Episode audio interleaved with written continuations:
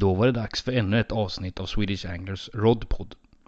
Den här gången har jag och Tomba bjudit in Håkan Fransson för att snacka mete såklart. Det bjuds på många goa historier och mycket skratt. Så nu är det dags, avsnitt 5 med Håkan Fransson.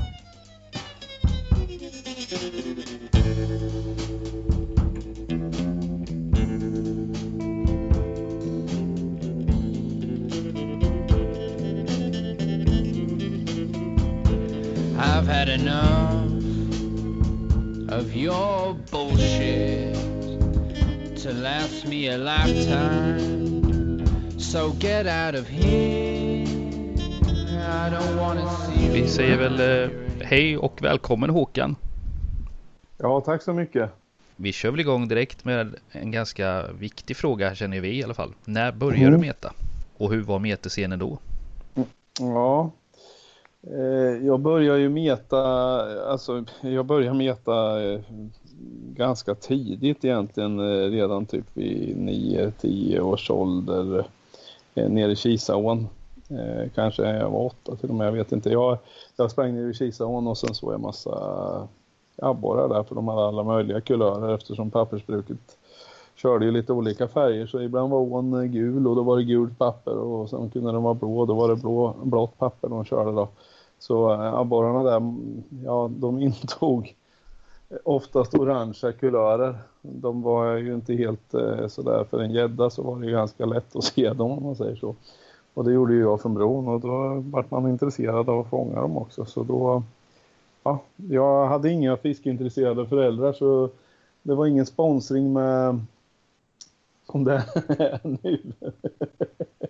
Utan eh, det var, det var, jag fick ju helt enkelt, jag hade en trådrulle och sen så snodde jag en mutter för farsan och sen köpte jag en guldkroka från järnaffären för mina veckor, eh, man fick någon veckopeng där på lördag.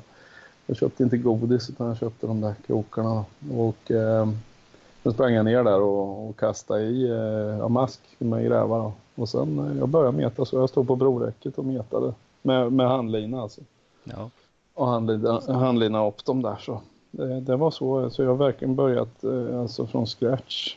Inte ens att eh, spö rulla då. Så det, jag tror det är bra. Det, det, var så jag började meta. Sen höll jag på med det här. Sen hade jag en kompis här i Rimfors som heter Jonas Önell då. Så vi umgicks massor och han hade ju båt och båthus och allting. Så och då, då metade vi. Vi körde ju mycket drag och sånt. Men vi metade en hel del abborre. Men det var mest på på om man säger levande eh, småglin då. Eh, Mörtglin, löjglin, abborrglin vad vi fick tag i med, med och så metade vi abborre. Eh, sen eh, så, eh, jag minns en gång då när jag stod med bambuspö, då var jag på kanalbryggan nere vid kanalen och eh, då fick jag på en brax. Det minns jag att spöet på att knäckas. Och den där kanske vägde ett och ett halvt kilo men det var ju inga top notch grejer man använde så men det tyckte man var väldigt spännande och sen började vi meta lite vitfisk där också. Men det har varit aldrig någon eh, vad ska man säga det var ju på Åsa-Nisse-nivå alltså. Det var ju det, så det bedrevs. Men sen flyttade jag till Kisa när jag fyllde eh, mellan 14 och 15 års åldern. Och eh, det var då det tog fart. För på vintern där så träffade jag Kaj Jonsson ute på isen som förbarmas över min eh, ytterst mediokra utrustning. För jag hade ju tänkt att jag skulle pimpla men jag hade ju 040-lina och något gammalt träspö och sen en alldeles för lätt pirk så allt, det var ju som spiral in i håret.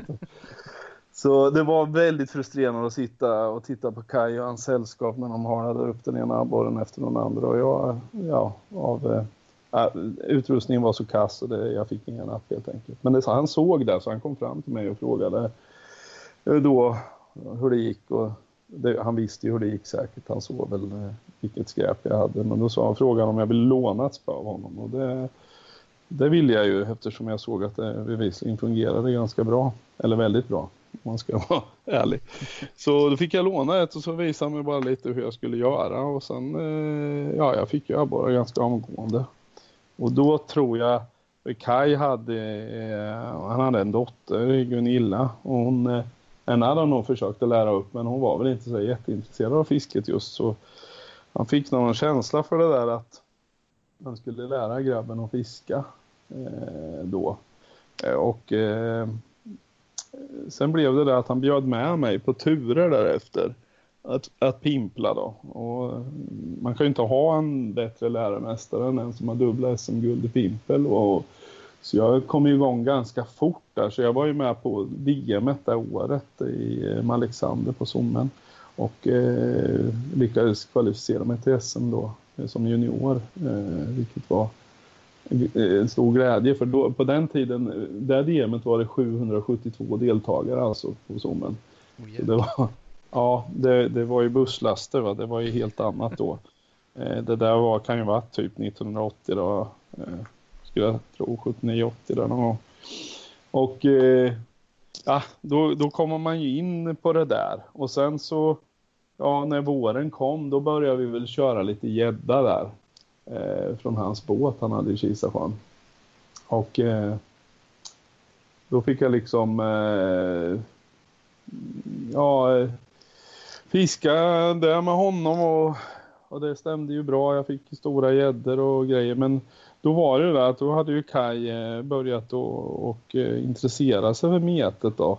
Eh, och eh, så vi började ju meta och han hade ju även fått kontakt med Arne Broman då, en av de andra legenderna vi har inom metet i, i Sverige. Så Ja, för en annan då så var det ju rena drömmen sen och när de började fiska det och man fick vara med lite i det där och i det där snacket då som de hade.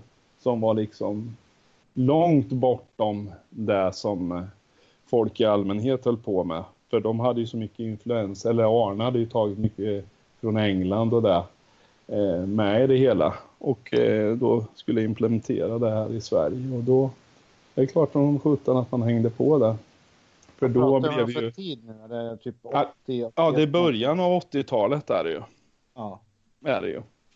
Och då eh, liksom Kai var ju en ganska ruffig så Alltså han var ju typ basic fiskare. Han gjorde ju mycket av det egna själv där. Men då köptes det ju in typ swingtips och sånt där som var som man metade med då som bottenmete Och så, så börjar man ju då.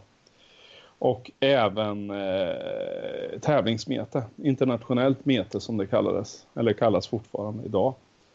Eh, vilket vi också höll på med. Så det där gick ganska fort där. Och, och komma med i den där svängen. Och sen började det ju rulla på på riktigt där då med, med allting. Men först var det nog tävlingsmet och, och lite sån där, ja, jag ska säga att spesimenmetet, det var nog tävlingsmetet först och så kom spesimenmetet in i det där mer och mer sen. Men Kai var ju en tävlingsfiskare i själen eh, var han ju. Eh, det var han ju hela livet egentligen men eh, alltså Sen kom ju den här specimen-tävlingen och det var ju tävling i sig. Men sen att, rikta fisket efter, efter alla möjliga olika arter då. Så det var, det var en intressant tid verkligen. Det hände massor där på väldigt kort tid. Ja, kan jag tänka mig. Men Kai, han måste ju ha varit typ i 50-årsåldern redan då va? Ja, det intressanta är ju att Kai i det läget eh, när vi träffades, han är i samma ålder, jag är 53 nu då, så han var ju, jag räknar på det, faktiskt häromdagen och, och då, då var det ju så att eh, när ni gör den här intervjun, det, det var då jag träffade Kai. Var det. Ja, det, är lite, det är lite häftigt sådär att man... Ja, ja. Jag tänkte där liksom uh, det här, ja. han, han var ju så, man känner sig ibland kanske lite småsliten och man tänkte man, ja det var ju den åldern han, man upplevde ju inte honom som sliten tvärtom. Han hade ju en otroligt driv och, och han var som en dynamo i allt liksom. Och verkligen, eh, man såg aldrig någon trötthet i honom. I alla fall inte när det gäller fiske. Han var ju alltid eh, väl i tid och eh, alltid på liksom så. Mm. Mm. Så det, ja, det, jag är väldigt tacksam för det där. För det, det är liksom det som har lett till det ena efter det andra. Och jag tror aldrig, jag, jag vet inte om man hade kunnat eh, komma till den nivån eh, idag. Visst, man kan bli en duktig fiskare men den här insikten i, för många kanske känner mig som liksom ja, massa gös och gäddor och abborrar. Men eh, liksom jag har ju gått den långa vägen och sen har en väldig insikt om många olika arter. Vilket man också då drar otrolig nytta av när man, om man tar på predatorfisket. Då, så metet har ju tack, och tacka för många insikter i hur jag ska söka predatorer då. Eftersom jag vet hur vitfisken står under hela året i princip. Då. Så eh, det, att, att lära sig meta det, det, det är bra på många sätt, det tycker jag i alla fall. Det är rätt många av de här kända namnen i Predator-scenen som är gamla metare, Trumman och... Ja, ja, visst. Det finns ju en, en uppsjö av dem eh, som, som kom, härstammar därifrån. Sen är det ju allting, du vet när man är i den åldern, då har man ju tid med allt i princip, för man har tid va. Sen när, när åren går då, då har man inte tid att hålla på med alla sorters fiske och då kan det ju bli att man specialiserar sig och sen ska man se på det för trumman ja, och flera som Henke Sandahl har väl också metat loss en hel del och, och flera då, då handlar det om eh, business och business idag det är ju eftersom jag själv är, jobbar inom sportfiskebranschen idag så det är ju inte metet tyvärr så stort utan det är ju eh, gädda, både gös i nämnd ordning kanske som är de arterna som, som man säljer mest på. Vilket är synd, men det är ju faktum. Så har det väl alltid varit. Ja, lite så. Det har det faktiskt. Men jag tyckte nog ett tag där att det var lite mer drag på metet.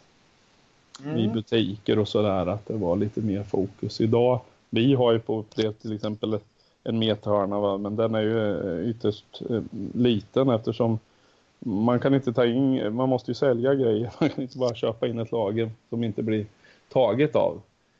Men mm. ibland så kan man ju känna det när det kommer som, eh, som Viktor eh, Hallensjö och eh, de här härliga lirarna som kommer in att det är synd att man inte har, eh, har mer grejer va. Men eh, det är ytterst få som är som man kan prata om något specimenmete eller mete eh, på, på, på, på den nivån med idag. Det finns tyvärr inte många. Nej, och sen är det väl kanske inte rimligt att man reser långt bort för att, för att se en liten methörna. Det finns inte många butiker som har en rejäl methörna som är värd att resa. Nej, och det vill jag inte säga att vi har, utan vi, vi har lite grejer där och vi har ju eh, Anton hos oss och han har ju, han är ju, han gillar ju meter, men det är ju mycket karpmeter och sånt här då, men sen det här färna, sarv och ja, mört och brax och allt det här, det är, det är ju väldigt lite sånt mete tyvärr. Det är det idag. Om man jämför bland ungdomar, för vi var ju ändå, visst vi var väl också en klick, men det var mycket runt omkring också som meta då när vi började meta. Sådana där hangarounds eller vad man ska kalla dem. Så det ena gav ju det andra. Sen vart väl en del intresserade och, eh, som var med där och en del eh, insåg väl att det inte var så flärdfullt att ligga i en i en Volvo BM overall ute vid Nästången och sova under bar himmel. Eller sitta uppe hela nätterna. Det, det var det ju. Det krävs ju en viss, ett visst psyke för att klara av det. Och framförallt så måste man ju ha den här själen, alltså att hela ens eh, väsen är uppsyra eh, av fiske liksom. Det är det. Annars så, så kom, ja, eh, står man inte ut med sådana umbäranden som det stundtals var. Det är ju bara att inse läget att det var rena, rena stolleproverna ibland. Ja. Ja, ja, ja det anar inte. Men, men då fanns det ju heller inga, alltså fick man en idé i huvudet om att det kunde finnas, ja, det kunde ju vara någon gubbe som sa att det var någon sjö där det kunde finnas eh, det ena med det andra då. Och då satt man ju där. Eh, oavsett vad som hände. Jag har varit med om en gång vart jag jagad av ett gäng med ungtjurar genom en hage när jag sprang med tackerbox och grejerna. Det var någon syn där. Jag har nog aldrig haft så brått ner till ett swim. Det slutade med att jag sprang rakt ut i sjön. Jag skulle fiska och sen hade de som en, en brygga med en inhägnad där jag kunde kravla mig in då. Men det, den natten var ingen höjdare. Jag var dyngsur och, och satt där och sen på morgonen då lyckades jag smyga tillbaks på lätta steg. Så det är många sådana här historier alltså, när man undrar vad fan man höll på med egentligen. Och det vart ingen fisk då heller eller? Nej, det var, det var tokfiasko. Ja. Var det Ja, visst. Men eh, alla de här fiaskorna har ju ibland lett till, till bra fångster. Va? Men eh, i många stycken alltså, så har man ju tokblankat och eh, det, är, det är som det är. Och idag alltså, ja, jag kan störa mig på den där eh, det är något jag stör mig på bland dagens eh, ungdomar som fiskar och där, då, då kan det vara eh, det här att det ska vara så framdukat hela tiden. Själva drivkraften är att hitta något eget och sånt där. Den liksom finns inte, eller det, det är väl jobbigt va? Man tycker det är jobbigt. Och, och, och så ska andra då eh, kratta manegen för en, då är det skönt och smidigt. Men själva, eh, alltså för egen del, och det har varit hela livet, då är det ju hitta sina egna vatten och sitt eget och, och, att man får, i alla fall jag, en enorm tillfredsställelse av att, att, att, ha utforskat och hittat något själv som funkar. Sen om det är ja, 50 misslyckanden innan man gör det, det är, det är bara så det är. Och det är, det är en del av det som gör också att tillfredsställelsen blir så stor när man väl lyckas. Det är, så är det för mig. Det är roligt då, att det ska vara svårt. Jag tycker att det är en del av fascinationen. Att, att det är mm. lite jävligt hela tiden. Och sen när man lyckas så blir ju det blir större. På något vis. Ja, ja. Det, det, det blir det. det blir, glädjen blir så mycket större. Det, det, tycker jag. Och sen är det lite halva grejen att försöka hitta sitt eget vatten med, tycker jag. Alltså just det här utforskandet, det är ju en viktig del. Du lär dig ju rätt mycket av det också när du är ute och, och letar vatten och tittar på dem och helt enkelt ja. försöker få lite mer koll på det. Är det här ett möjligt storfiskevatten eller inte? Och, ja, visst. Alltså det är ju hela, hela den planeringen och upptäcka glädjen på något sätt ska ju finnas där också. Ja, visst. Vi, vi eh, alltså om man ska återgå till sen vad som hände eh, för det kan ju vara bra nu, jag har pratat lite jättetidig historia och där. Det som hände sen det var att vi startade en egen specimengrupp där. Jag och sen några likasinnade kompisar där då. Eh, ja, det var Jonas Hellström och sen var det en kille som heter Roger Andersson och Roger Vi hade någon, någon, någon, jag tror vi hette Hybriderna, vet du, spelsumgruppen Hybriderna, det var det första som vi körde. Och det, då, ja, och då hade jag ju liksom lite, då hade jag ju fått så mycket eh, erfarenhet eh, eller så då, så att jag kunde bryta med, alltså från Kai, det vart ju som en pappa mer eller mindre som man följde i början och men då började man lite, då fick man ju bil och sådär och, och köra själv. Va? Då, då åkte man ju inte med honom hela tiden. Men sen vi fiskade ihop då ändå, om man säger. Men det vart ju lite det där. Då. Så vi, vi grejade loss och då började vi utforska Svartån och det här då. Och allt som fanns där. Och eh, ja, det var, det var en rolig tid det där. Och, och Färnamete var det med, vet jag. Vi har ju bro, det höll vi på med. Och det, det var just braxmetet då var man ju väldigt fascinerad av i Svartån. Det var ju, man fick ju, jag vet jag fick någon på 3 och 7 och det var ju ett väldigt uppståndelse. det är ingen stor brax idag men på den tiden och i det vattnet så var det en fin liksom. Fick man över, över fyra då var det ju liksom bingo. Det, det är liksom ett sånt vatten där det kanske är topp, toppnoteringar va. Men eh, just braxmetet var väldigt, väldigt, eh, det vet jag att jag var väldigt fascinerad av då. Det, jag tyckte om det. Eh, sen var det, ingen fattar ju det en hel del teorier, mer eller mindre nyktra, det kan man ju undra över. Ett av dem var att man skulle blanda koskit i mäsk. Och det där har jag funderat mycket över för grejen var att vi fick ju in sanslösa mängder med brax men frågan är om det verkligen kodyngan eh, bidrog så mycket till det. Det kanske och då att man blandar samtidigt att man har sådana influenser som att man ska ha koriander i, i och allting och sen så koskit. Hela den där mixen känns helt... Eh, det är inget jag skulle tänka på idag för jag har fått in sanslösa mängder med brax på, på mycket mer eh, väldoftande grejer än det kan jag ju säga.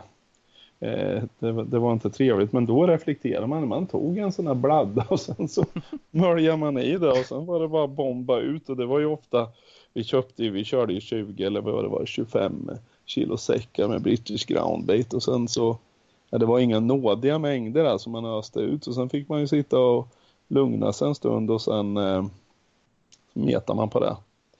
Eh, och det, då, då kom det in mycket fisk, så var det. Men jag tror inte det var koskiten som gjorde det. Det tror jag inte. Skit, det känns ju spontant att det är ingenting som man har ett stash av hemma liggandes utan Nej, man har ju inte, eller inte färsk helst som det skulle vara.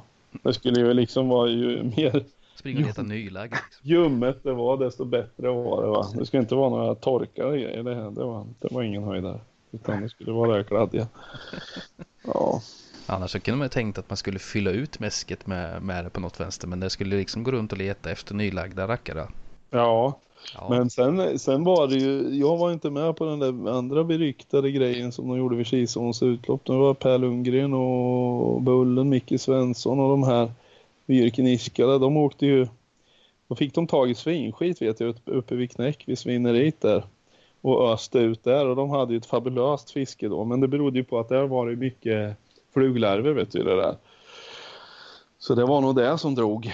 ja, det var nog inte skiten i sig. Nej, men det vart ju lite sådär spin-off grejer på det ena och det andra. Det går, ska vi se vad vi kan ha säga här för att, för att få effekt liksom. Så. Men, mäskböljen kunde man ha som toalett. Ja, ja, för- precis. Den, den eh, fanns eh, till allt möjligt. Eh, det var väl en hel, jag har ju sett, eh, det är en helt, det blir lite sidospår här, men det var på en, det var internationellt mete så satt vi i eh, Östra Husby tror jag, Göta kanal där och eh, min, eh, han som fick platsen i jämte, det är en profil från Åtvidaberg, Bengt Nilsson Putte kallas han. Han var inte i god vigör om man säger på, på morgonen. Han var rent ut sagt usel vigör.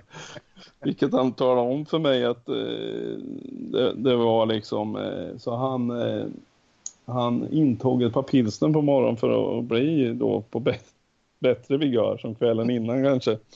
Vi kan också bli, men det där vart ju som någon slags Ja, hans mage uppskattar väl inte det där eller han, det vart för mycket helt enkelt så efter ett tag så blåste han ju ur sig innehållet i mäskbärgaren. Men han var ju en gillar- han är, är fortfarande i livet och det är en av Kais vänner också. Det finns många historier om de där två men då, då han brydde sig inte om det utan han, han, han började ju rulla ihop bollar och, och öste i kanalen då. Och sen följde det en uppvisning där jag fick eh, mikroskop löjer, små jävla löjer och Putte började ösa upp fläskmörtar då. Så det var ju otroligt störande att se honom på sitt spymäsk utkassa mig. Dessutom hade jag vid den tiden, det, var, det här var tidigt liksom, jag hade ett skitkast keepnet med maskerna var så stora så mina löjer de åkte ut och drev, de var ju mer, de mådde ju inte så bra så de drev ju ner till grannens keepnet och la sig på det. Så det, där var, det var ingen framskjuten placering just på den tävlingen men det, man minns ju mest eh, Putte då, jag kommer inte ihåg om han vann sektion eller hur det var men eh, det, det gick bra det där. Men sen vet jag inte om just den grejen att sitta och hulka ur sig baljan heller än höjdare. Men troligtvis hade han väl ätit mycket majs och ärtor och grejer. Så att, Uppblandat med lite- uppblandat med lite malt, vet du, då vart det bra. Ja, herregud. Det, var, det hände mycket som sagt med sådana där eskapader.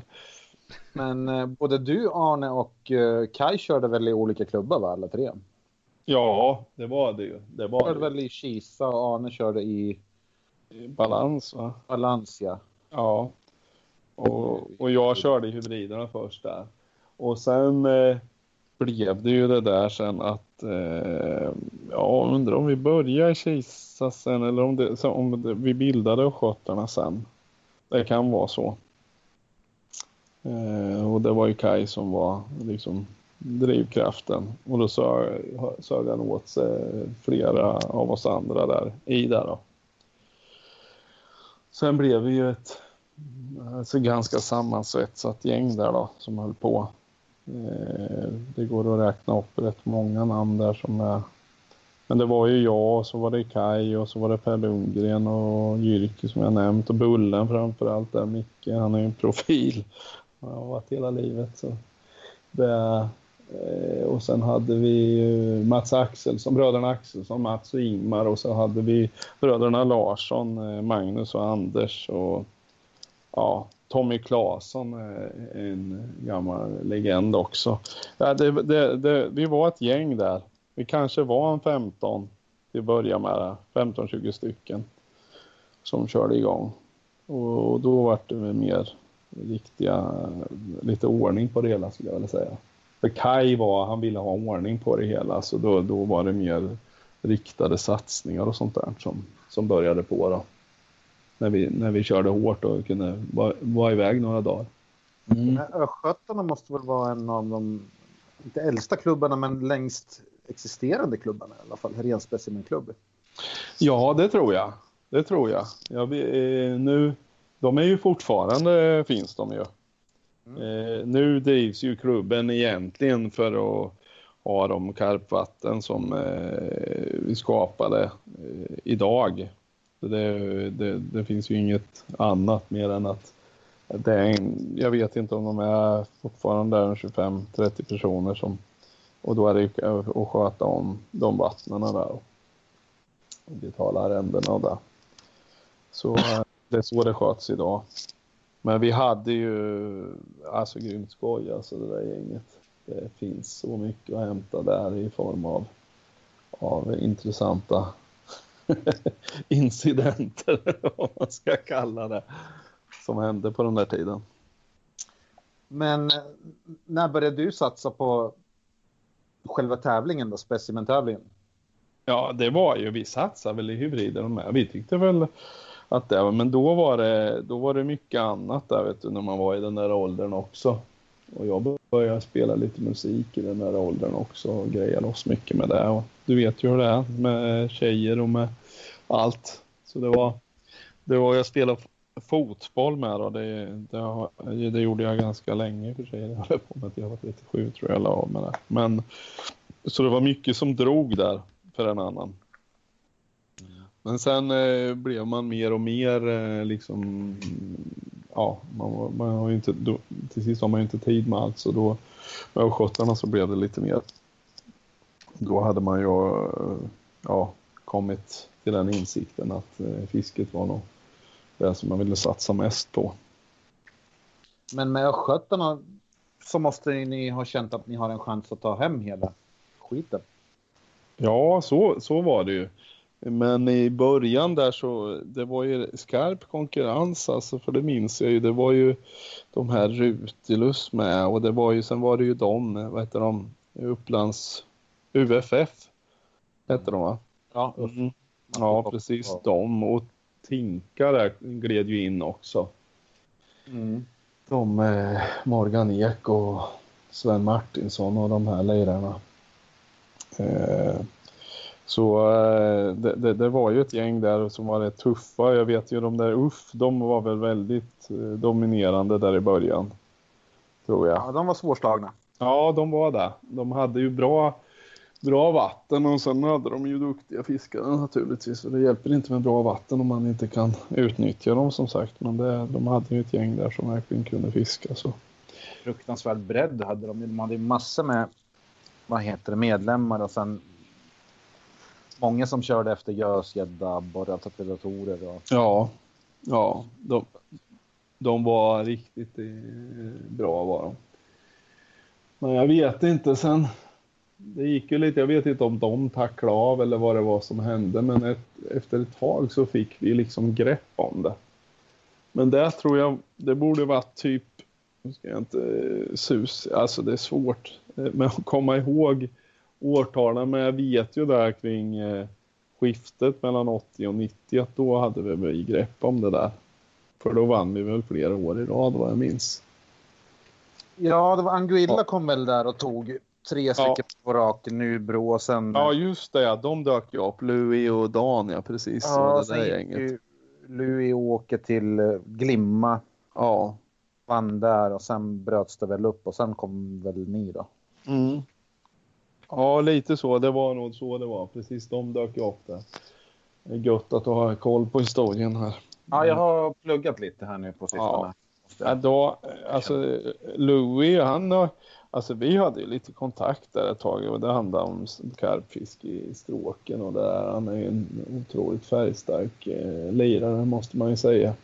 Det är många som är, att lite, att han har ju ett speciellt sätt så är det ju men han och jag har nog aldrig haft något sånt. Utan vi har snackat lite så det, det, det har gått bra. Men då i, jag minns första gången alltså i kontakt med för då gjorde vi en satsning ner till Kölbydammen skulle vi till. Vi hade inte en susning. Vi åkte ner till den där Ljungbyholm. Och då kände mig, jag hade en, jag vet jag hade en grön 242 med ett släp bakom där vi hade alla prylar i. Och det, ja, och kommer ner där och börjar liksom och, och undrar vad fasen vi ska ta vägen någonstans. Vi visste ju inte var vi skulle vara. Vi, alltså ån där, men var ska man vara? Då vet jag att vi ringde till, till honom och då, då, då var han ju ganska hemlig för att uttrycka det milt. Men han tyckte att vi skulle åka upp till något som hette, det hette Trehörning, Trehörna eller vad det hette. Och det var ju längre upp i ån ovanför Sölbydammen. Och vi, vi, vi var ju helt eh, blåögda så vi gick ju på den där finten så vi drog ju upp dit och insåg att fy fan, det här ser ju inte speciellt hot ut. Det här är ju rena parodi. Vad, vad, vad, ska det här vara? Så vi börjar ju på att greja där. Och, men då helt plötsligt så kommer det ju någon, då var ju på någon privat eh, mark där, där markägaren inte var glad så han kom ju åkande i traktor i en jädra fart. Så vi fick ju kasta oss in i, i, i min bil där och sen med rivstart eh, och han hack i här jagandes ut från det där. Och på den tiden var man väl inte så stursk så det kanske jag inte är nu heller men jag var verkligen inte där då så vi var, jag var väl rätt, rätt eh, uppskakad av det där. Han såg ju inte munter ut gubben alltså, den saken var ju klar. Så, men vi pep ju ut därifrån, kom ut på vägen och han, eh, då, då insåg han ju att vi hade schappat så då struntade han ju oss. Men då fortsatte vi ner och sen följde vi liksom ån där och sen till sist kom vi och det började bli mörkt rejält så vi hade ju ingen vad fasen ska vi göra så vi då eh, parkerade vi där en parkeringsfika och så, så gick vi ner och kollade på den. och då var det ju, tyckte vi, en jättefin hölja där med eh, det var som en liten ö i och grejer så att, eh, Då tänkte vi fasen, ja det, det, får, det får vara som det är. Det här, här fiskar vi liksom, punkt slut. Och sen då var det ju lite sådär, det var ju struligt som sjutton att få med upp grejerna och det var bara elände och trött och var man ju också. Men vi fick ju upp och sen på morgonen där då, då, eh, då fick jag en brax på 4,8 kilo så då var det ju, då var det ju topp alltså. Då var det ju extas mer eller mindre. Och eh, det var ju Kupagören vi hamnade i. Det, vi hade ju ingen susning var vi hamnade. Men men då blev det ju så att eh, vi hade ju med våran session skapat en viss nyfikenhet hos eh, Angilla-gänget. Så rätt vad det var, då kom ju Dan Dellefjord nedklampandes eh, när vi satt där. Och de hade nog inte riktigt koll där då på den utan de, det var ju Kölbydammen va? det var där de satt och de drog sina fiskar. Så han, eh, han frågade ju man hörde riktigt med glädjen i rösten att ja, det, man får vara lov att vara skadeglad så om Dan lyssnar på det här så hoppas jag han garvar åt det. Men han, han tittar ju på oss med, ja ni sitter här era stackare. Men då sa jag, ja men har det gått bra? Ja men jag har fått en brax på 4 och 8 och då såg man hur Laxen liksom stelna till så här. Det var inte riktigt vad han hade tänkt sig. Och eh, ja, så då fick ju de naturligtvis nys på det där stället också då. Och det var väl så det började där i. Sen eh, efter det, jag tror Per fick på fem kilo och vi fick stora sutare där i också. Så, eh, så det var ju en rolig upptäckt. Ett jävla skojminne eh, i efterhand. Det var inte så roligt just den här första incidenten när det hände, det kan jag inte säga. Det var rätt jobbigt faktiskt. Men sen fiskade ju vi eh, Kölbydammen och då vi gjorde några turer dit ner naturligtvis. Och det finns mycket intressant i den eh, där runt också. För Kölbydammen, eh, där eh, härjar ju en eh, svan. Och det minns jag med, det är bland de sämsta ögonblicken när man har, jag hade gjort i ordning allting där jag satt och jag hade mäskat klart och allting och sen började det rulla stora sutare på min mäskplats och jag kände mig, jag liksom frotterade händerna inför eh, det som skulle komma. Men då kommer den här jävla svanen surfandes och börjar ställa sig på huvudet och, och mata i sig på min mäskplats där då. Det, jag har sällan varit så arg på en fågel som jag var då. Det, han var vresig också en jävel så det gick ju inte liksom att hasa i vägen för då gjorde han ju utfall och grejer. Och jag vet att eh, en i gänget där, Otto Strid, han, han vart ju så förbannad på Svanen en gång. Det här är ju, nu är det preskriberade uppgifter så det hoppas inte lyssnarna tar illa upp här. Men han, han gjorde några specialtacker med två rejäla aberdeenkrokar eh, och fläskade ut en brödbit som den där svanen tog då. Sen gjorde han, alltså då hade han en sån här gammalt Atlantikspö, en gäddpåk som han gjorde, ett så kallat ja, ett hädanfärdsmothugg på dem. Så, men han fick smaka på det, följde en vild kamp där då, där svanen avgick med seger i vanlig ordning. Och, men eh, alltså den där svanen den kunde reta folk till gallfeber. Jag pratade vi, vi var över på andra sidan en gång och pratade med en gubbe och då pekade han på svanen. Ja, den där sa han. Den ska ni akta er för. Ja, jo tack, vi, vi vet. Ja, jag hade en kompis här nere och han gick ner och han skulle mata den där svanen vet du. Och han kom fram och sen fällde han ihop vingarna. Du vet, han somnade av sa han. Sen såg man avtrycken från vingpennorna i kinderna. den där svanen, han hade lite på sitt samvete. Men, en eh, elak jävel. Ja, det var en elak svan. Det har jag skett. Svanar har jag haft en del, del incidenter med. En gång satt jag på aktertoften i Kisafors och var ilsken svan efter att satt och viftade med en kniv där. De är, hävdar ju revir som sagt, så det var ju inget konstigt med det. Men det är inte roligt att bli utsatt för deras vrede. Det är arga fåglar det där. Stora fåglar alltså, fy fan. Ja, det är fantastiskt vackra fåglar med säger man i efterhand. Ja just det, jag har en, vi kan ta den lika, det är mycket senare när jag fiskar karp i Frankrike. Jag har så lustigt det med svanar vad jag har råkat illa Men då vaknade jag någon gång vid, vi, eh, till saken hör att jag hade haft eh, stora problem med de där jävla bisamrotterna med i den där sjön som gnagde av. De hade en förmåga att kunna alltså, ta boilersen och sen knipsa av häret bakom. Vet du. De hade ju väl blivit specialiserade så man hörde bara ett sånt här nervöst litet pip och sen då visste man att det var problem så. Sen vinschade man in. Men då vaknade jag av ett riktigt jävla. Nej just det, det var mitt på dagen. Det var det. Eh, mitt på dagen så är när jag låg och slaggade där och jag springer ut och gör ett mothugg. Och sen börjar det flaxa där ute. Då är det en svan som har simmat in i mina linor och trasslat in sig med, i, i vingen alltså. Och jag har nog aldrig haft en sån fight med någonting eh, levande som jag hade med den där svanen. På andra sidan stod det ett gäng engelsmän då som hade blivit, eh, de hade blivit utfiskade den där veckan så de var väldigt pratglada när vi kom. Men sen, sen ville de inte prata med oss för de eh, hade förstört sina swimmer för mycket mäsk i kylan som rådde där då. Men de tyckte ju det där var det bästa som hade hänt alltså. De stod och applåderade och jublade och hoppade upp och ner där på andra sidan. Det var det, det, då var det fest alltså.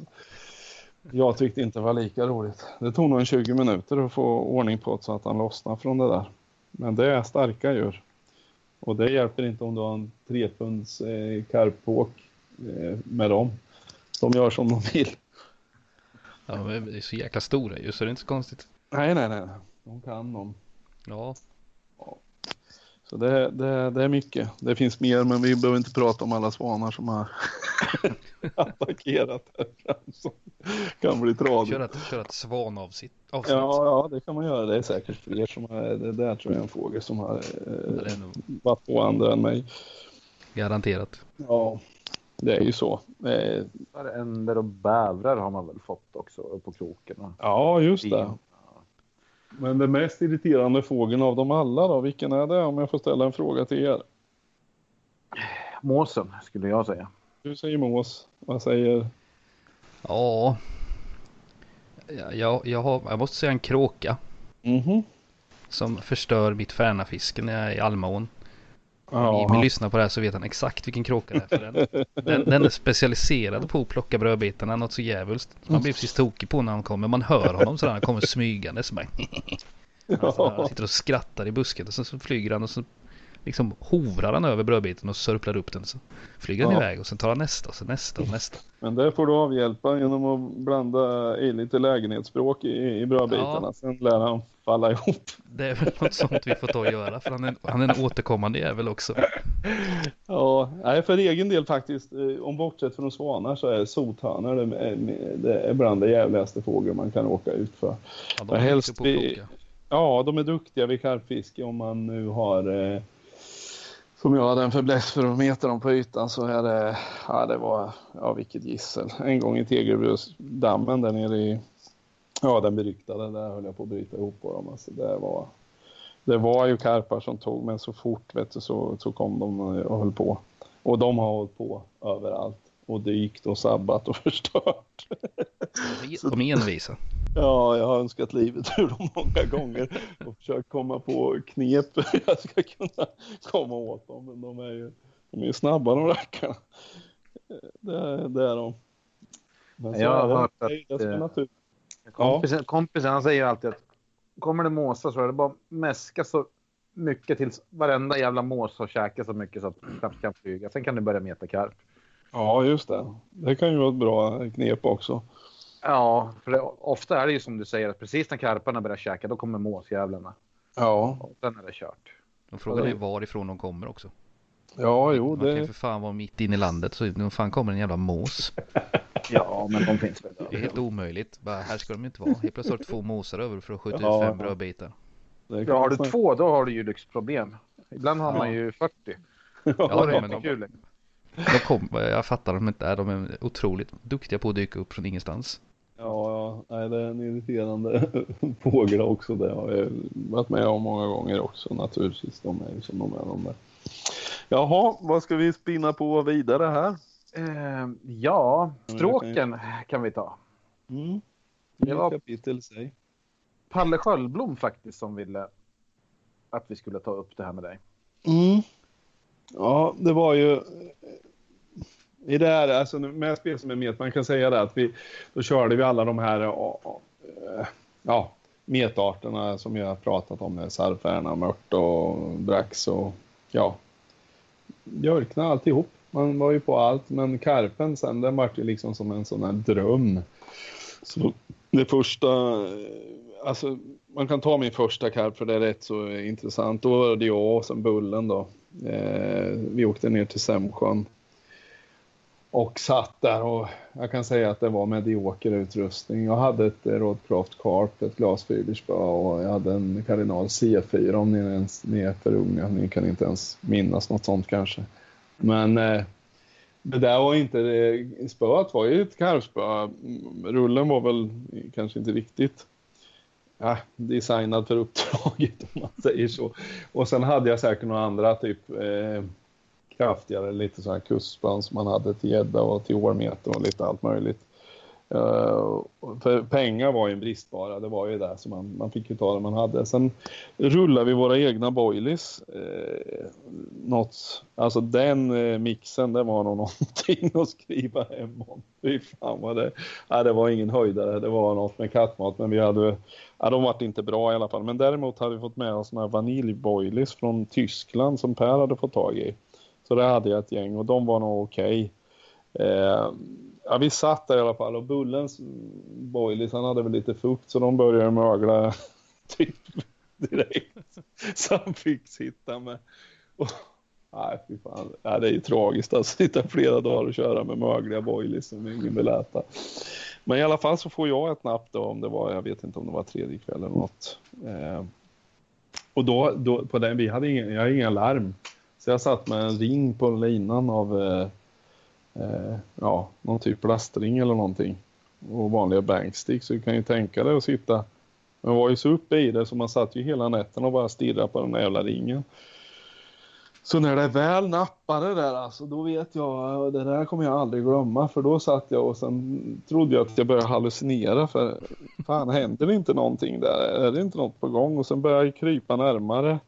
Liksom, eh, alltså under ringen så här, satt och tittade. Och sen rätt vad det var så inser jag att, att ringen liksom är uppe vid klingan och att det fräser. Och det är ju linan som fräser ut då. Så eh, och jag hade ju aldrig varit med om ett så våldsamt napp på mete så jag, jag fattade ju inte riktigt läge men det var ju bara att resa spöt och sen jädra fick jag inse vad en karp var. Och då hade, på den tiden hade jag, körde jag med eh, så, eh, backwinding för jag gillar att drilla fiskarna så. Det var ju lite engelsk influens också. Men jag litar inte redigt på sliv. De, de var av eh, mindre bra kvalitet kan man säga på den tiden. Det är ju icke jämförbart med dagens bromsar så. Eh, men eh, jag fick faktiskt ta till slivbromsen för det varit ett knogsmatter utan en like när jag försökte, försökte att hinna med och veva bakåt. Det gick ju inte helt enkelt. Så, ehm, men jag fick in den där och vägde 5,5 kilo. Det, det är ju ingen stor karp alltså men då var det ju en sån lycka så det fanns ju inte. Det, man var ju helt euforisk alltså. Det var ju det och då vart man ju helt drabbad av fisken som art också.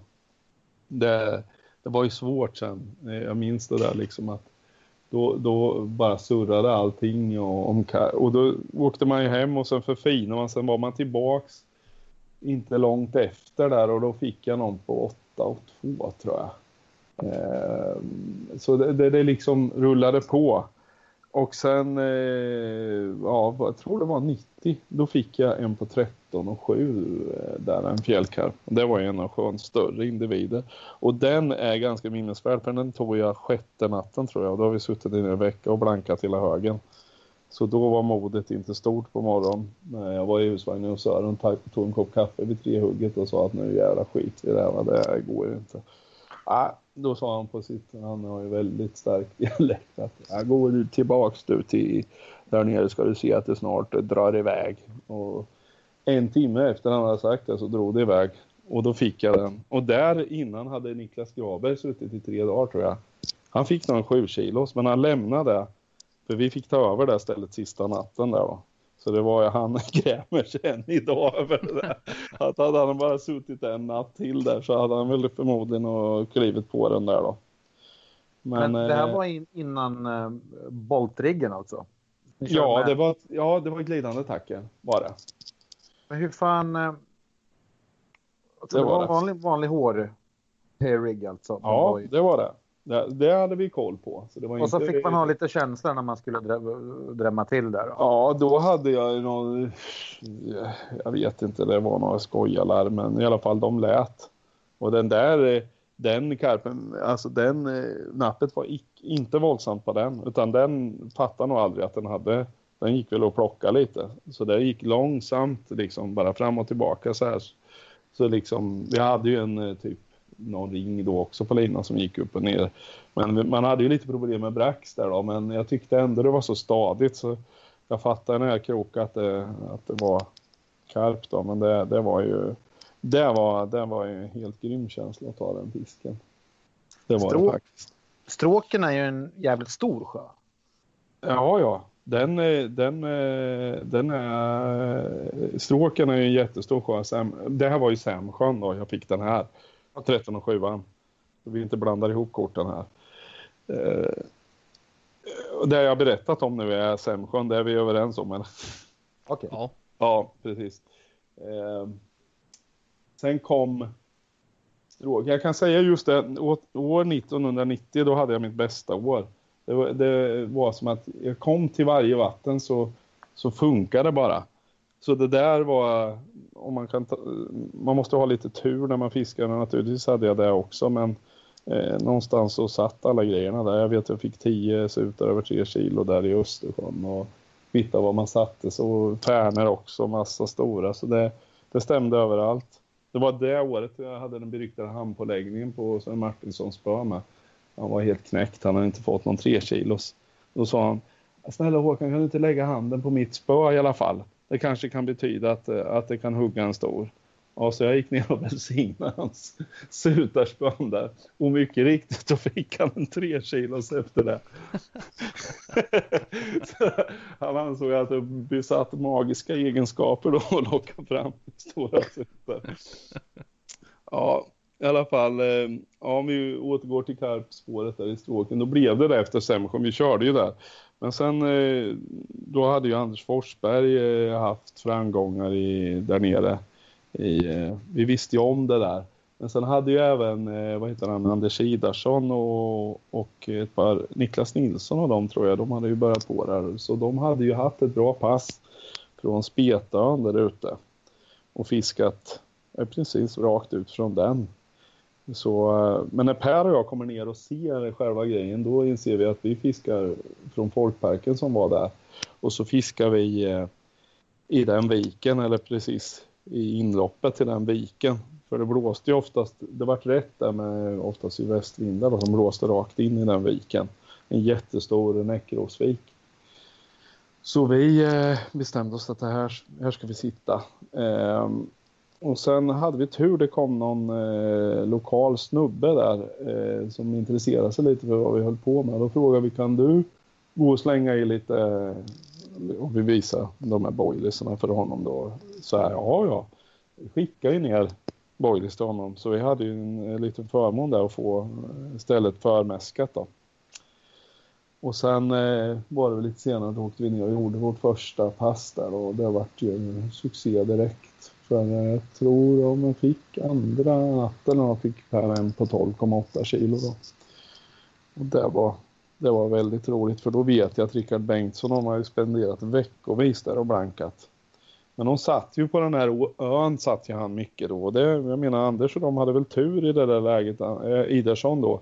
Att Karpen där hade, ja, någon, de kom väl rätt helt enkelt när de gick förbi där. Men jag tror den där viken vi satt i och runt den udden, det var ett riktiga patrullstråket för dem.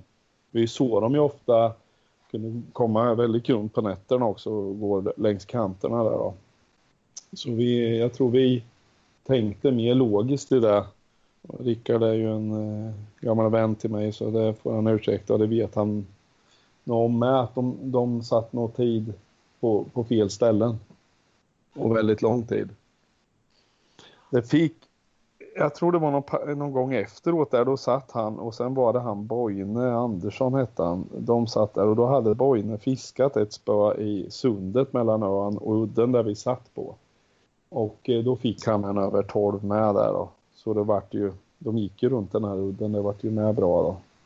Men eh, Ja, det som följde sen det var ju ett antal turer där vi i princip fick fisk varje gång.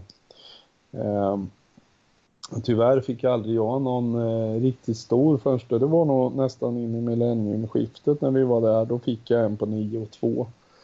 Eh, där. Men eh, jag hade en jättefisk på en gång. Eh, och det var, det var det är de värsta metminnen någonsin. Då det, där är, det här är en rätt rolig historia. För när vi åker ut där då, då, då inser vi till vår fas att det står att det ska vara fest i den här parken. Vi hade helt missat det. Det där var innan man kunde söka något på internet eller liksom man åkte ju ner och sen ja, det står att det är fest här. Vi fattar ju aldrig omfattningen av vad det där var. Men när det börjar välla in så där 50-60 raggarekipage där på parkeringen då börjar vi fatta att eh, det här kommer bli en eh, shitstorm. Alltså. ska vi?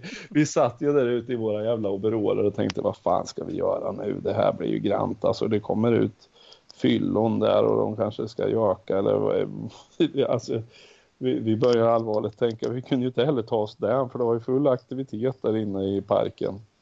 Så vi började bygga sådana här barrikader ut av grenar och grejer släpa upp för att bygga som en sån här skyddande mur så att de inte skulle kunna ta sig igenom ut till oss där.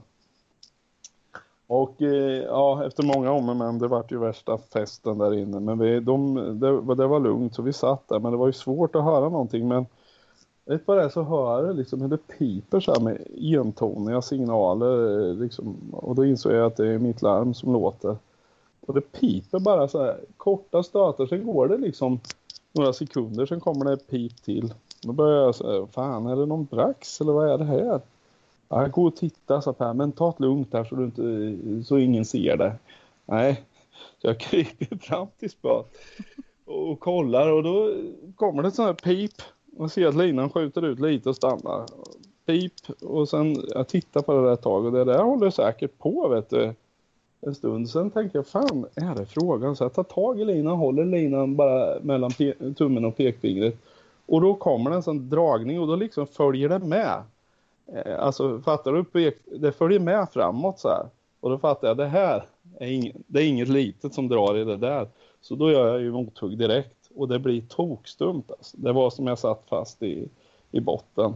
Och jag har haft en sån, eh, det var när jag fick min, min personliga rekord där i Frankrike på 21,5. Det var samma känsla när man gjorde tillslag alltså att det, ett fullständigt kapsejsat spöet och bara stod där ute.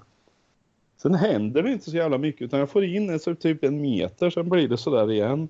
Och sen håller jag på sådär ett tag.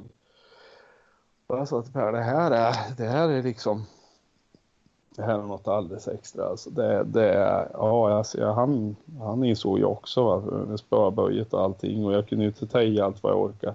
Och jag höll på sådär och jag sa, nu måste gå ut och lysa med lampan nu. För nu, alltså det, den, den borde bli nära nu. Och vi hörde ju, det, det var det sådana tunga ljud och ja, det var mitt i det där jävla musikskrålet.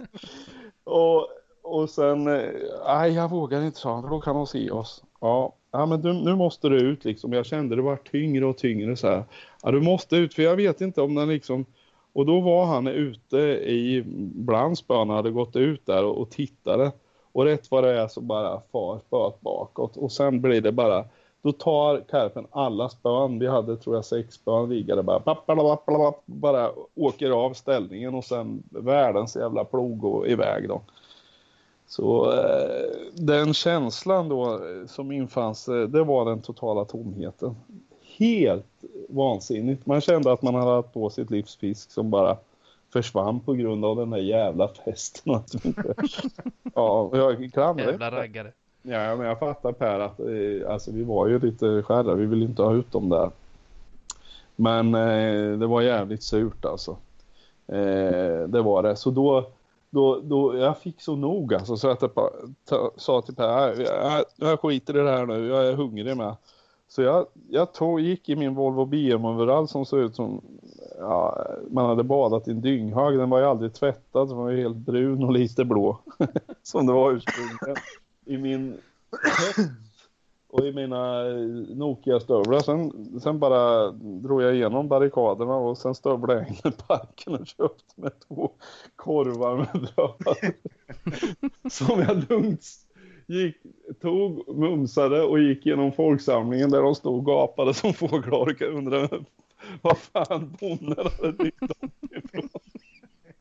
Sen gick jag ut till honom och han, ja, nej, det var det, jag sket i tror jag. Jag tänkte nog det. Men det De var... vågar aldrig komma ner till ersättning. Nej, men det var, det var en, eh, en mycket jobbig, alltså just det där att tappa.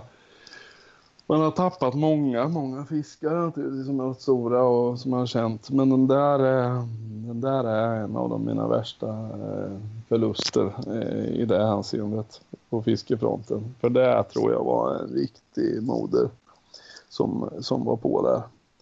Just en, en stor fisk. Hur finns det där då, i, i ja, det... Hur har de kommit dit överhuvudtaget? Ja, det är ju säkert lä läckage eller eh, från odlingar. För det rinner ju någon, eh, någon liten bäck där nere. Det har ju förbindelse med det här Hagasjön och det här neråt. Och från odlingar. Och sen tror jag att de har burit ner oönskad fisk och liksom kastat i där. Om de inte har slagit ihjäl dem. Så det har ju skett genom eh, den jag fick på Eh, den, den, det var ju säkert en väldigt gammal fisk som hade levt länge där. Eh, och vi pratade med en yrkesfiskare, eller yrkesfiskare, han var fisketillsyningsman. Han kom in ibland och bara körde in rakt på hans plan med sin hund. Eh, men vi fick lite eh, tumme med gubben. Han var en bufflig typ sådär, men eh, han berättade ju då, de hade ju fått någon i nät där kring eh, 20 pannor, men han och det, är ju, det har han ju rätt i. Han sa de är, de är väldigt svåra. Man får dem aldrig i nät nästan, sa han. För att de var så stora då och inte fastnar i maskerna. Men eh, det räckte ju liksom för att sätta igång fantasin där. Men jag tror det är mer fisk eh, än, eh, än vad folk tror där i. Och jag vet inte, Palle har väl fiskat, men sen är det ju ett gäng där som, eh, de har kört en del och Rickard till sist fick ju sin revansch där. Han fick ju någon över 16 kilo. Eh, trägen vinner alltid som jag säger och det var jävligt roligt. Eh, det var jag faktiskt väldigt glad över att han just fick den. Han som har tillbringat, bland de som har tillbringat mest tid vid sjön, också fick det. Och sen är det ett gäng där, jag kommer inte ihåg vad de heter, de där Alf heter någon tror jag. Jag kommer inte ihåg vad han heter i efternamn. Och det, är, det är ett par killar där som har lyckats rätt bra. Men eh, de ligger väl där mellan 15 och 17 kilo. Jag vet inte om det tagits någon större.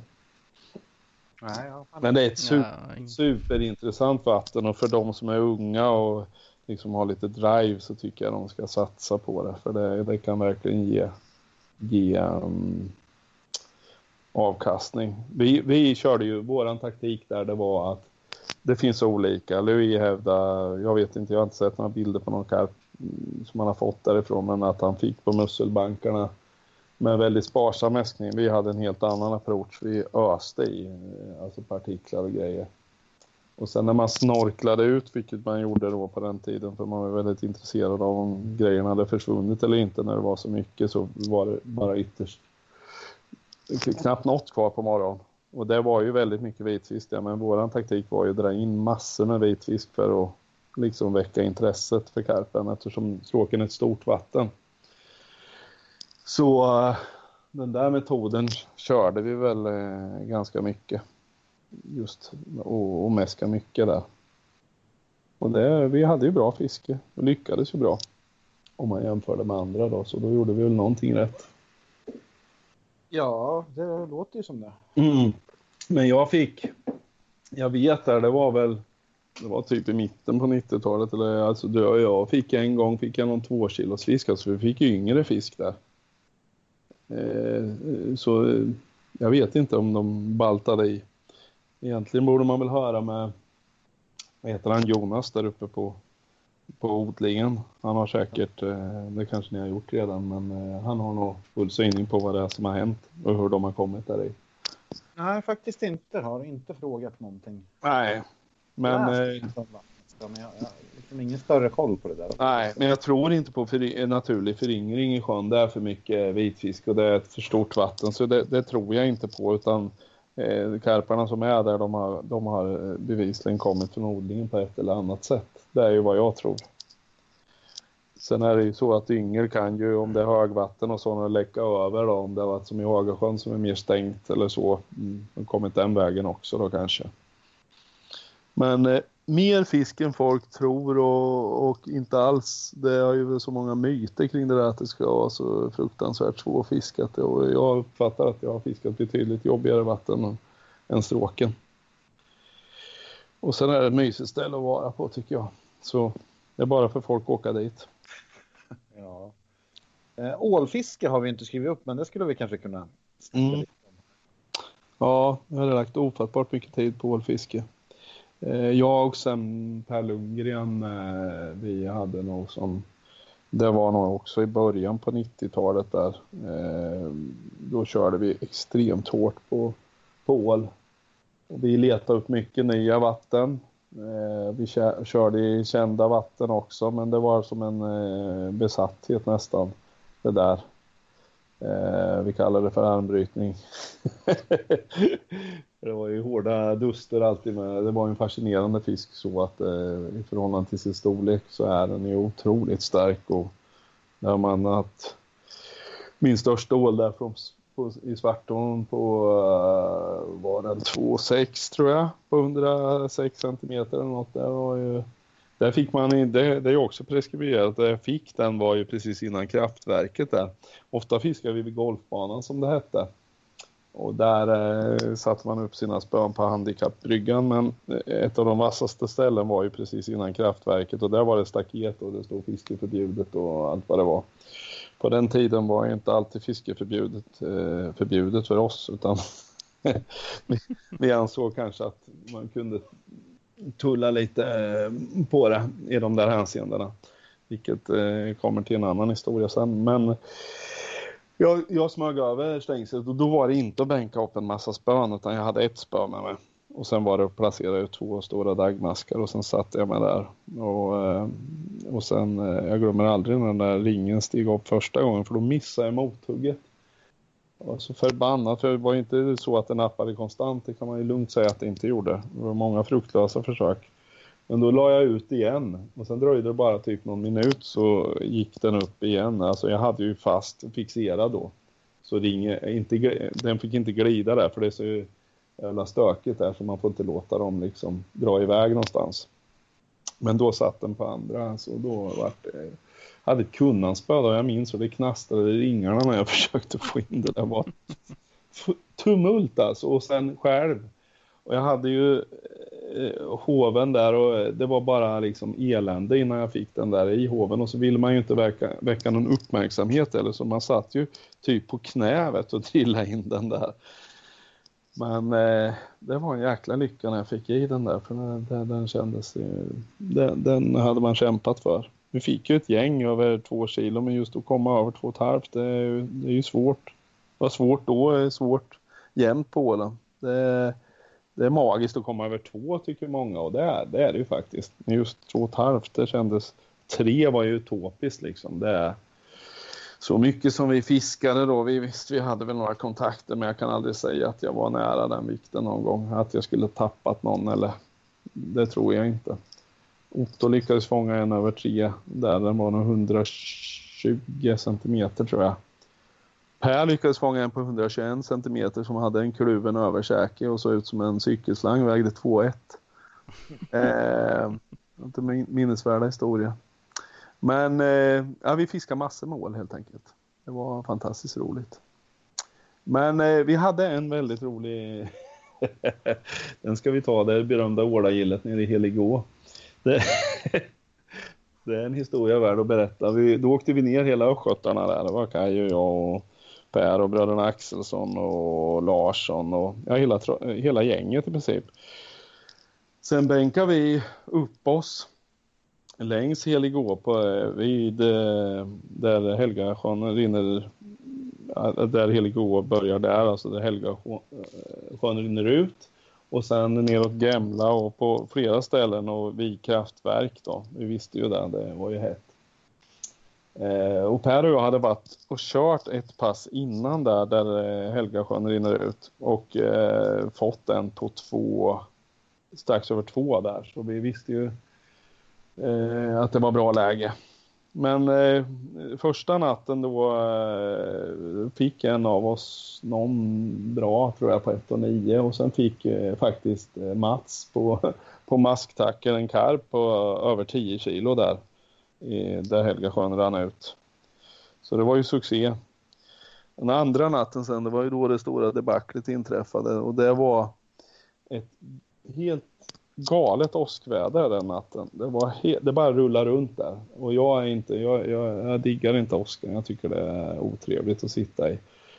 Så jag minns jag satt och Ingmar och jag fiskade ihop nedanför för ett kraftverk där neråt Gemla till och eh, då vart det Ja, det blixtrade hela tiden. Jag sa jag vägrar att ta i spöna. Det är ju farligt där liksom. Jag satt och tröck där under det parasollet.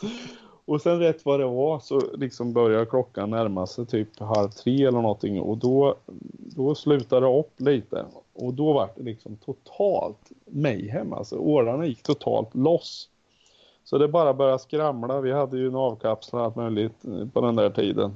Det var några larm, det var bara tumult. Det var i princip napp överallt. Och mitt när vi står, jag står och drillar någon där, då kommer en bil stannade och utfar ju ett par människor. och undrade vad i helvete är det nu? Och då, då var det Bullen och någon mer som kom och skrek Dra upp för helvete, polisen är på väg. Och jag, jag stod, jag hade någon 1-8 som jag stod och tokvevade in. då i vild panik därför de var ju rätt bra uppskruvade liksom. Så eh, ja, det var och jag och sen samtidigt men vi kan ju inte sluta fiska här nu. Det är ju totalt galet fiske. Eh, nej, ja, nu upp med grejerna bara, vi måste dra. Mm. Så det var inget annat, vi fick slita upp allt och dra där. Och det var någon mer år som satt fast där på, på grejerna. Och, och sen ja, åka iväg och fråga vad fan är det för... Ja, Per och Kaj är haffade av polisen. Det här är preskriberat. Då. då var det så att den där det rann ur Helgasjön var det förbjudet att fiska innanför eh, eller framför dammluckorna. Och Per och jag hade ju kört husvagn. Vi hade ju ingen koll på det. Och det hade ju inte, vi hade ju fiskat där en natt innan. Men då var det greven där, Posse hette han. han. Han hade ju då fått nys på det där att det satt massa folk där och fiska. Så då hade han ju tillkallat ordningsmakten. Som kommer där för då det är mitt i åskvädret så börjar det lysa lampor och grejer. Så de, eh, ja, han går ju ut och deklarerar att här är det inget fiske och nu är det färdigfiskat. Så de helt sonika vev ihop alla deras spön. Och Kaj stod som en fågelholk och Per med. Och, och sen var det ju, det här blir det i tingsrätten och det blir ju allt möjligt då. Så det var ju en stukad församling som åkte hemåt där på morgonen. Och jag var ju mest förbannad över att jag hade missat århundradets ålfiske då. Mm. Att eh, det vart förstört. Och de andra naturligtvis över ångesten att delvis att det var tjuvfiske eller olovligt fiske som Kaj tog ju det där jävligt. Han tyckte det var fruktansvärt pinsamt naturligtvis. Men eh, hur den var i det där så slutade det med i alla fall att de fick eh, tillbaka sina grejer. Åtalet lades ner där då. Och eh, för de förlikade sig där med greven på något vis. Och, och vart sams. Så det slutade lyckligt. Och jag tror jag aldrig det drogs upp ordentligt. Eh, vad det var som hände där nere. Men för de som var med på den tiden och lyssnade på det så var det så det gick till. Att det var, det var fullt tumult och grejerna åkte till polisstationen. ja, så det var, ja, det, det är fantastiska minnen egentligen. Man har varit med om mycket alltså, men det där var, det var en höjdare i efterhand. Då, då var det inte lika roligt, men i efterhand så är det ju förbaskat. Nu kan man skratta åt det. Ja, mycket också. Det har jag gjort många gånger. Så var det ju när man var yngre. Alltså, fan, fiskesuget var ju så stort så att... Alltså, ja, ja.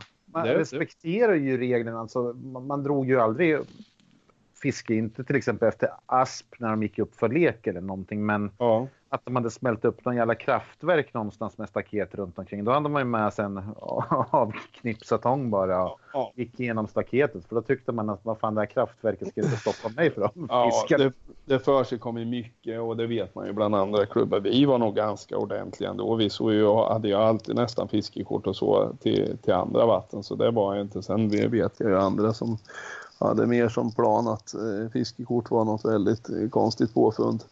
Eh, så det, det var lite, det var lite sisådär som, som Janne Banan säger torsk på, på tallen. Men eh, eh, ja, och vi kan ta, ja du vet ju om alla de här kärnkraftsabborrarna och grejerna som togs. Det var ju naturligtvis inte tillåtet.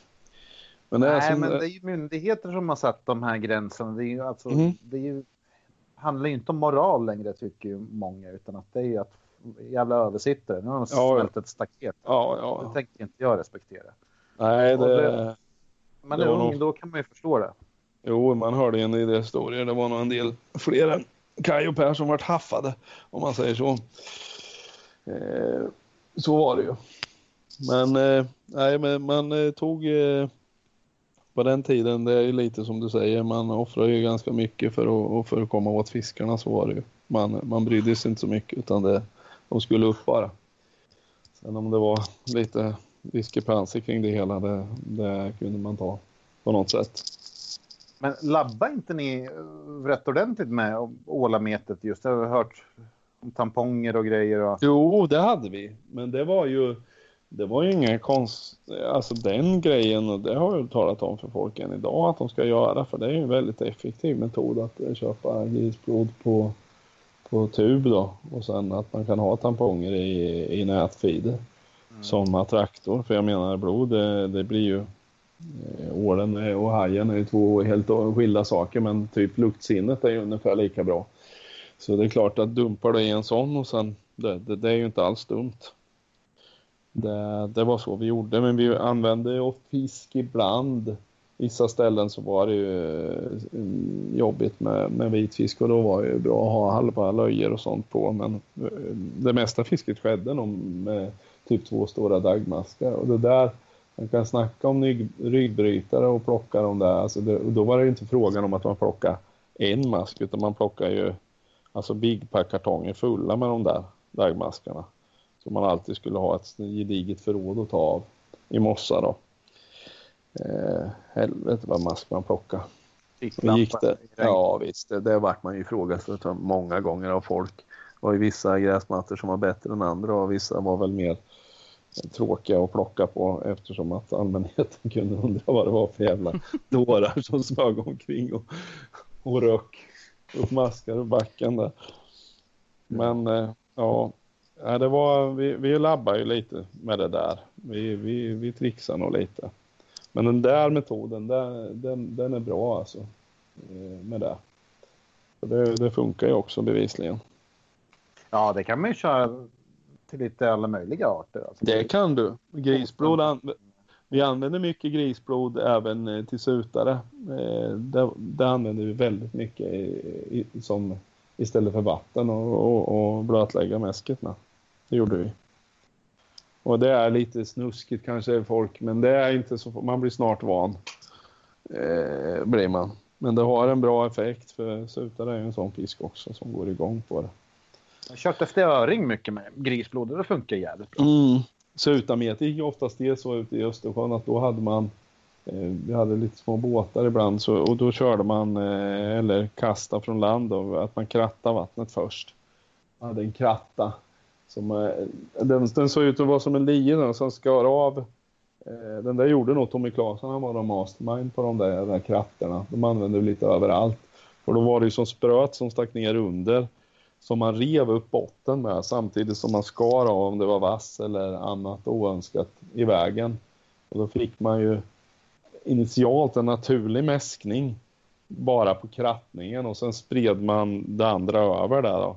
Så det, det varit väldigt effektivt alltså. Det tog, det tog inte så lång stund innan, innan eh, fisken kom.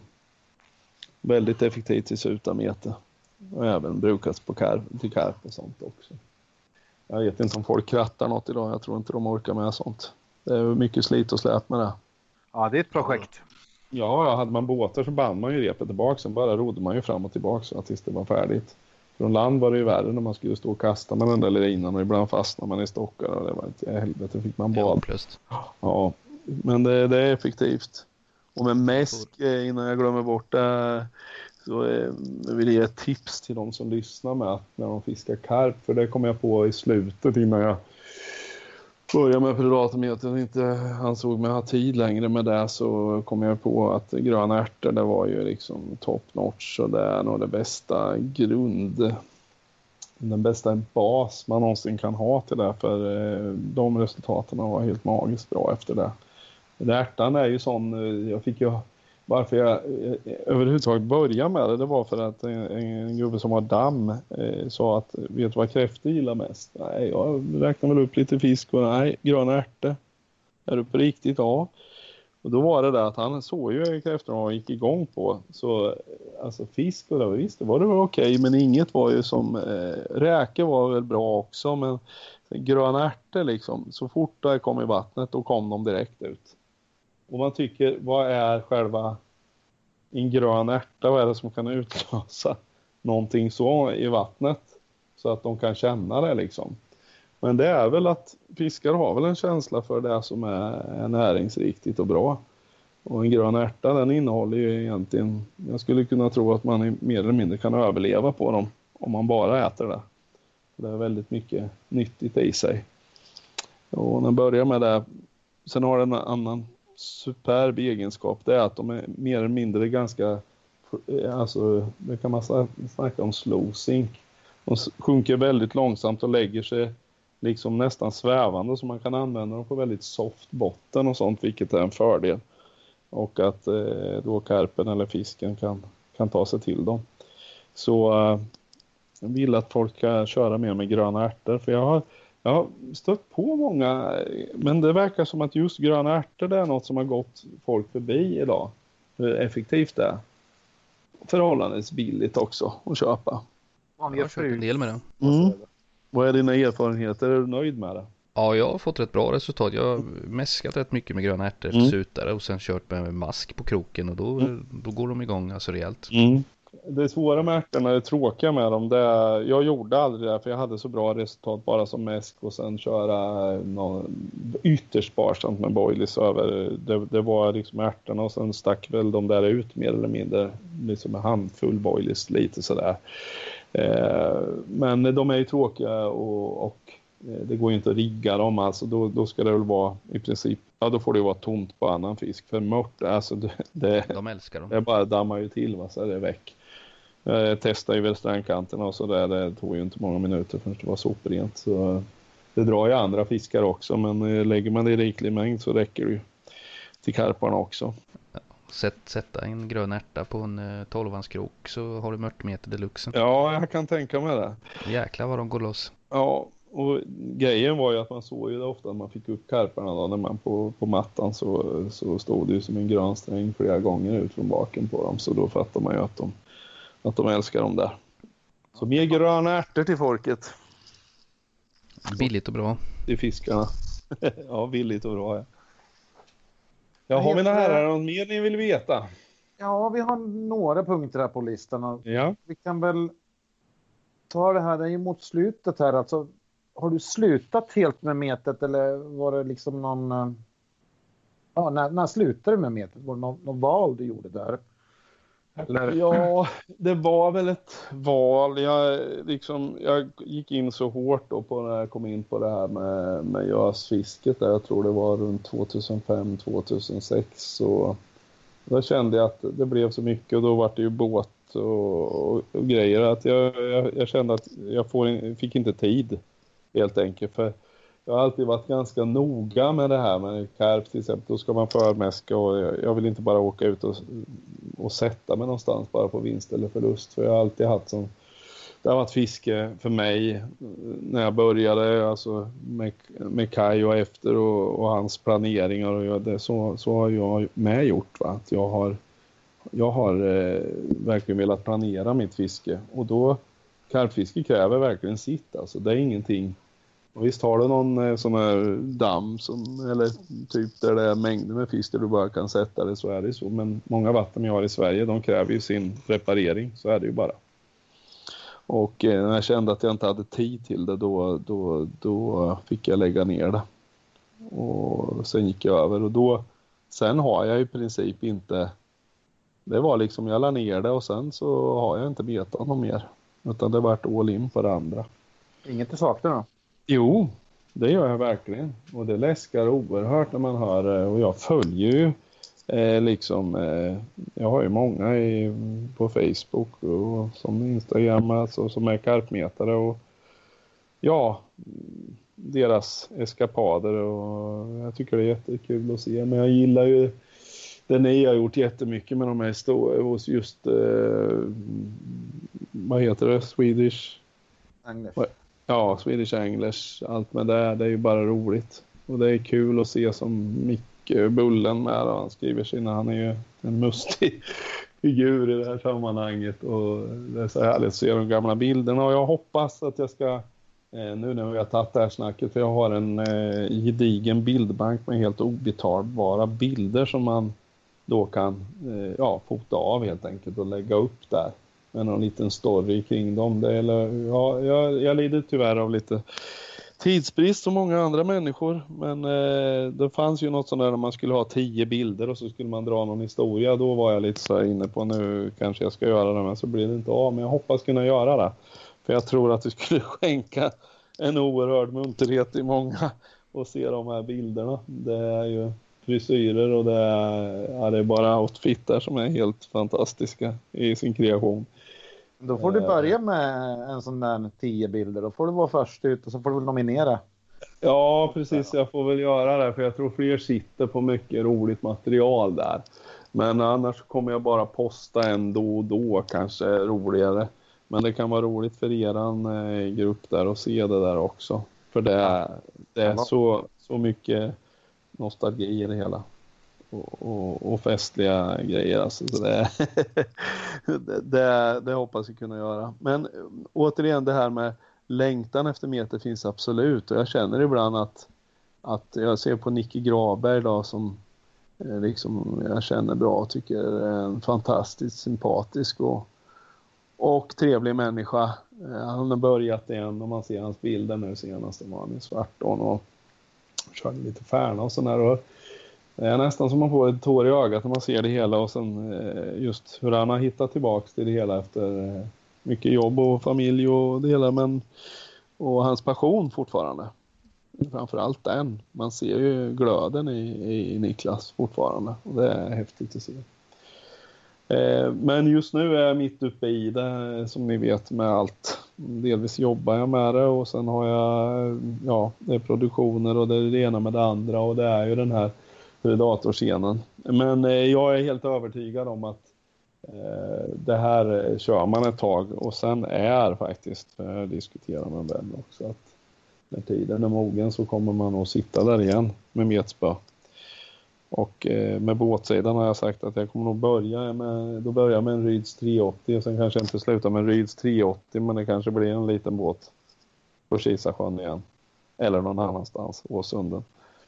För eh, hur än är så skulle jag vilja säga att eh, i dagens läge det ska vara så flashigt och det är, och man, man, är ju en del av det också så man ska ju inte säga något annat men till syvende och sist så kommer man tillbaks till fiskets kärna så är det ju egentligen ett spö, en lina, ett flöte eller på 80 meter vad det är och sen stillheten, ron.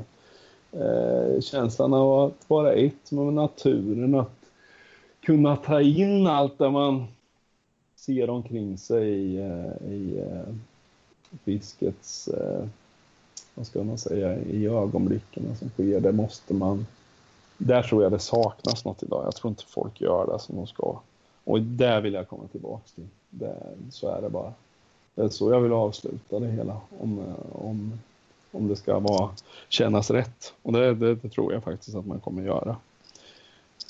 Jag tror att många kör just den här cirkeln att man börjar så som alla börjar med. Mm. Någonting simpelt, man fastnar för någonting. Mm. Sen blir man så jävla indragen i allting utan att man ens märker det. Man tänker inte på det. Nej, nej, man, man fastnar. Men ibland tycker jag liksom att karusellen snurrar äh, jäkligt fort. Ja. Man hinner inte tid att reflektera och och, och det, i dagens läge ska allt gå så vansinnigt fort hela tiden. Eh, och det är inte, jag tror inte det på sikt att det är bra. Alltså, de, de mm, borde softa ner mer. Det borde folk göra i allmänhet med allt vad det gäller egentligen. För det skapar stress och det skapar eh, ohälsa tror jag. Man fiskar måste... ju för att det ska vara lite, alltså det är klart det är inte rofyllt alla gånger, det är det ju inte, men eh, sinnesro eller hur man ska säga. Mm, man det är just det. massa krav hela tiden. Ja, och jag har oftast det, för jag var mycket sådär att det skulle vara någon med och jag har alltid fiskat själv jättemycket men Eh, men just senaste åren, det, det, har ju att göra med de jobben man har haft som varit väldigt sociala. Och då har det varit, eh, och då kan jag säga att då har jag ofta haft väldigt sinnesro när jag var ute själv. Det är ju båtfiske oftast då, då, men att man står där själv. Och då kan man mer, visst jag är ju en sån så jag kopplar aldrig, jag kan inte bara sätta mig en timme och eh, dricka kaffe och så. att han fiskar ju ganska aktivt men att känna den här ron, och den har jag sökt. Och när jag vet när jag fyllde 50 då, då var nog den, precis den dagen, då åkte jag faktiskt ut själv på Vättern och satt utanför eh, ja, Motala där eh, och, och fiskade gädda på Stilla Vättern och det var fantastiskt härligt. Det vart precis rätt än att ha massa, sen vart det ju firande sen, men just att få sitta den dagen på 50-årsdagen för sig själv där ute, det, det var magiskt alltså. Det var fantastiskt skönt. Det var mycket, mycket känslor var det faktiskt där ute också. Det kändes, det kändes bra inuti på något vis. Det hoppas jag fler eh, anammar det. Och reflektera över tiden som har gått och allt man har gjort och sådär. Det, var, det var en bra stund faktiskt. De timmarna, det var det verkligen. När svanarna inte längre stör, då har man liksom gått cirkeln runt. Då, då har man landat. Ja, då har man, då har man landat. Det är faktiskt eh, väldigt bra sagt. Därför, eh, och, och de, eh, de har jag förlikat mig med för länge sedan. Nu har jag, det finns andra fåglar som stör mer. De behöver vi inte prata så mycket om. Men just själva, jag känner mer och mer hur man dras in i naturen och att man blir mer rätt med det. Och det, jag tror det är så det ska, ska vara. Och att man till slut då liksom får, får den här känslan av att, att man är nöjd med det man har gjort. För det kan jag säga med att eh, hade, nu kommer man in på ganska mycket filosofiska funderingar här, men det kan vara kul kanske att höra den sidan med. Men just det här att man ska kunna känna sig nöjd med det liv man haft. Upp och ner, motgångar, framgångar, eh, tårar och glädje och alltihop. Men sen när man väl ska stilla sig, då, då måste man känna, kunna känna att man inte är bitter utan att man är nöjd. Och jag tycker att jag är det nu idag. Jag är 53 idag. Jag har fått en dotter på under fyra och en halv månad som har blivit som en gåva i livet. på så här sent och så, men jag är nöjd. Jag, jag, känner mig nöjd med det som har varit. Och skulle man råka illa ut eller någonting så skulle man inte vara bitter för det utan tycka att man har levt ett, eh, ett fantastiskt liv med så mycket minnen och så mycket, mycket eh, skoj. Alltså det, det är helt otroligt egentligen när man tänker tillbaks på det. Det låter som ett jättebra slutord tycker jag. Ja, jag hoppas det. Men jag vill avsluta med att tacka alla de fantastiska människor jag mött genom åren i fisket. Alla eh, härliga människor. Jag har, jag lovar jag skulle kunna fylla fyra timmar till med andra anekdoter om, om, om det vore så, men eh, jag tycker också det blir bra. Men tack till alla, alla metare fiskare som jag har mött genom åren och sen som absolut sista så är det en, en oerhörd tacksamhet till Kaj Jonsson som tog mig under sina vingar. Det han är, han kommer alltid vara eh, top notch, eh, nummer ett, eh, Gud och Jesus för mig. Som, eh, både som människa och som en fantastisk förebild. Så jag önskar att eh, fler ungdomar får, får någon sån som kan liksom som de kan eh, bli upplärda av. Det, det har varit fantastiskt. Så tack Kaj där uppe för allt du har gett. Du var fantastisk. Så är det. Mm. Mm. Och tack själv. Ja. ja, tack så mycket. Ja, tack ska ni ha. Det var jättetrevligt. Nu ska jag nog gå och eh, prata ett par år med min lilla dotter innan hon ska somna. Det gör du nog rätt i. Ja. Absolut. Mm. Så eh, tackar vi och eh, vi hörs nog framöver. Det hoppas jag verkligen. Ha det gott ja, pojkar. Ha det fint. Detsamma. Mm. Hej. Hej då.